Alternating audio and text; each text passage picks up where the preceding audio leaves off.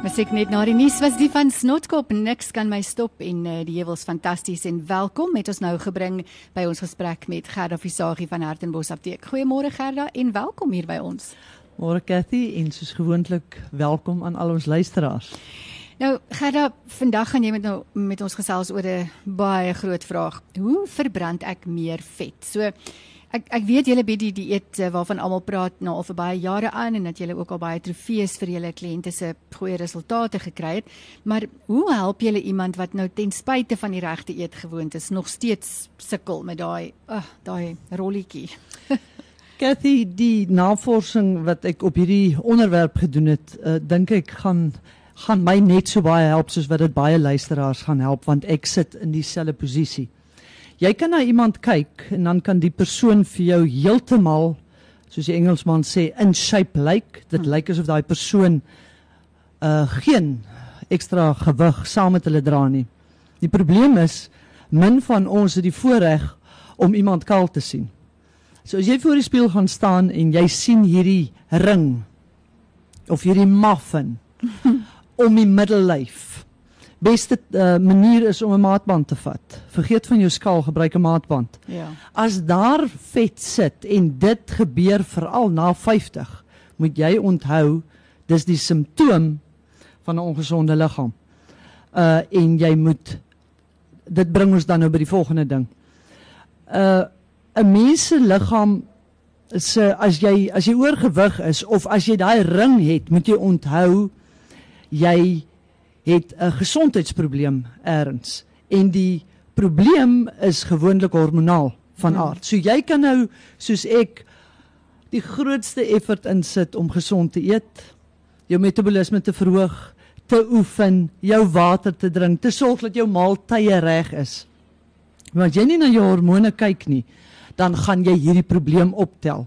Want daar's hormone wat 'n mens laat gewig optel, dan is daar hormone wat jou laat gewig verloor en die hormoon wat jou laat gewig optel is insulien. Uh en ons weet daar's al baie daaroor gepraat, maar baie van ons ignoreer dit net eenvoudig. Hmm. In die teenwoordigheid van insulien sal jy nie die ring om jou middellyf verloor nie. Daar's nie 'n manier nie, want die ander hormone wat jou help om gewig te verloor, skakel af wanneer die insulien in jou bloed te hoog is.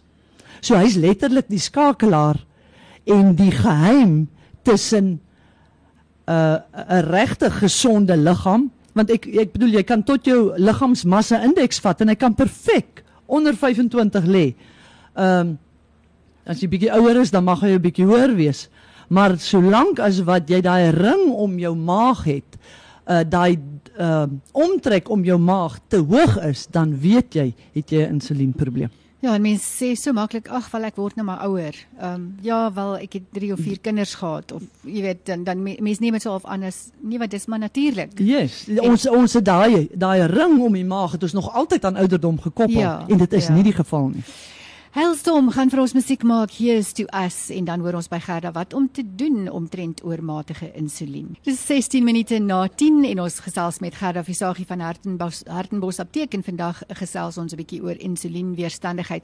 So Gerda, hoe nou gemaak? Ons sit nou met daardie um, rolletjie waar ons hom nie wil hê nie daar om die middellyf. Wat kan ons doen om ons insulienvlakke wat jy nou vir ons sê is die hoofoorsaak van insulienweerstandigheid um, of vir, vir die vet om die middellyf? Wat wat kan ons maak om dit te verlaag? Kathy, heel eerste wil ek sê dat as jy nie beplan nie en jy sorg nie dat daar variasie in jou maalt, as ek praat van beplanning, praat ek van rondom uh maaltye en 'n bietjie stadiger begin leef want ek bedoel teen hierdie verskriklike tempo wat ons leef is beplanning ontsettend moeilik. Ehm um, en dan moet jy jou kos varieer.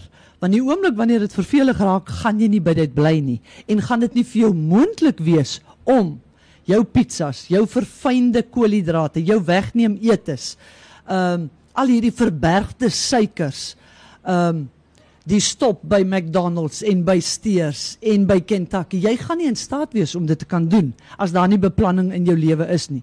So ons hoef nie eers te probeer om jy riglyne te gee as jy nie dit heel eers te doen nie. En ek sien dit in my eie lewe uh, jy gaan nie daai hongerstoppers kan stop nie. Daai ding wat jy in jou mond druk net om hierdie hongerpyn en hierdie naar gevoel wat jy het omdat jy 8 ure laas geëet het. Jy Ja. gaan dit nie kan stop nie. Ja. So as jy dit gedoen het, dan kan jy begin om te beplan en reg te eet, by jou maaltye te bly.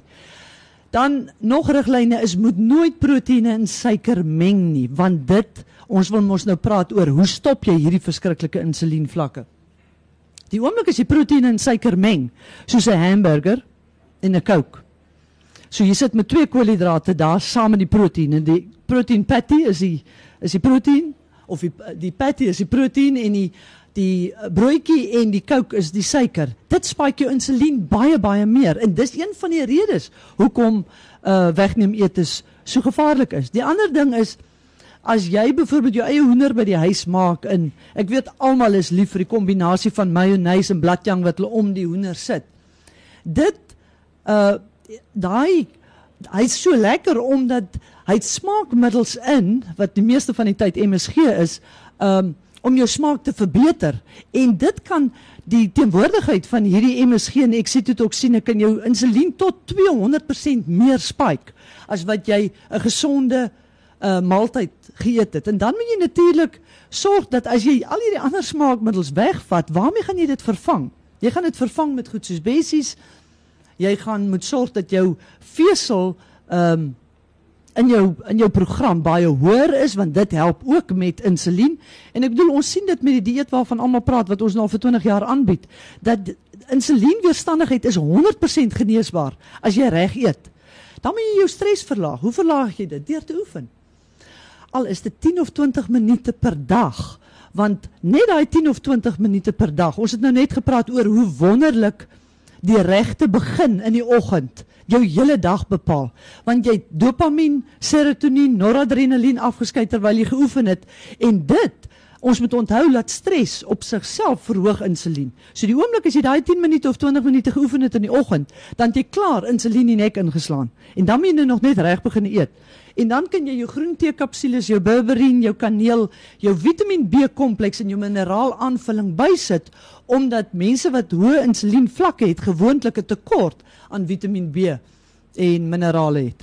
Kan jy miskien ook net vir ons uh, verduidelik presies wat is insulienweerstandigheid? Miskien as 'n mens dit nou verstaan dan dan help dit jou om beter Ja, keuses te ander maak. ja, 'n ander naam vir insulienweerstandigheid Cathy is prediabetes. So dis 'n vreeslike genadige diagnose want hy sê vir jou, luister jy beter nou iets doen of jy gaan 'n diabetes word. Nou wat is insulienweerstandigheid? Dis wanneer die insulien ehm um, in jou liggaam te hoog raak as gevolg van die feit dat jy te veel suiker inneem. Want elke keer wanneer jy suiker inneem, moet die pankreas insulien afskei. En dan sy doel is, die insulien se doel is om die reseptor op die sel oop te sluit sodat die suiker van die bloed af binne in die sel kan ingaan. Maar nou uh leef jy so ongesond en eet jy so baie verfynde goed dat hierdie arme pankreas kan dit nie hou. Hy weet nie ater of mater nie want hy moet die hele dag 'n klomp insulien afskei. En dan begin hierdie reseptore op die sel desensitiseer. So hy steur hom nie meer aan die insulien nie. So hy maak nie meer die deurtjie van die sel oop sodat die bloedsuiker kan ingaan waar hy moet wees vir jou om energie te hê nie. En dan word jy insulien weerstandig. En as jy eers daai vlak bereik het, is jou volgende, as jy nie iets doen daaraan nie, is die volgende ding wat jy in die oë staar is diabetes tipe 2. Ai Gerda, wat jy nou eintlik nou vir ons sê, dis alweer nie iets wat met ons gebeur nie, dis iets wat ons aan onsself doen. Absoluut, Cathy. Ja, terwyl ons nou so gesels oor hoe om onsself op te pas, hier is nog 'n paar groot waarhede. UDB saam met Adam ken jou waarde en dan sluit ons ons gesprek met Gerda Visagie van Hartenbos Apteek af. Ons gaan net stil staan vir 'n oomblik by die simptome van insulienweerstandig. Musiek van Early B en Adam ken jou waarde baie wysheid in daardie stukkie musiek. Gerda, wat is die simptome van insulienweerstandigheid? Ja, Cathy, as jy byvoorbeeld nou nie kan laboratorium toe gaan om die vastende insulien toets te laat doen nie, want onthou dis nie die toets wat jy apteek toe gaan gou jou vinger prik nie. Daar's 'n Ja. groot verskil. Uh daai toets wat jy by die apteek doen kan nie toets of jy insulienweerstandig is nie. Ons kan wel met die elim kan ons sien uh wat die ehm um, stand van die pankreas is. En dis juis hoekom ek besluit het ons moet hierdie praatjie hou want dit is ongelooflik uh hoe baie mense voor my sit waar ek nie 'n idee sou gehad het dat hierdie persoon insulienweerstandig is nie. Weereens nommer 1, ek kan nie hulle maag sien nie. Mm. Mm. So maagvet verseker 'n simptoom. Ehm uh, verder as jy wanneer jy klaar geëet het, iets soets moet eet, is dit 'n simptoom. As jy baie goed voel en minder geïrriteerd voel as jy 'n soet dingetjie geëet het, is dit 'n simptoom.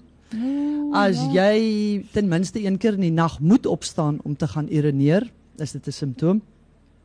As jy soos wat die dag vorder ehm blurry uh, vision of of jy sukkel om ordentlik te kan sien hier na die einde van die dag toe, dis ook 'n simptoom.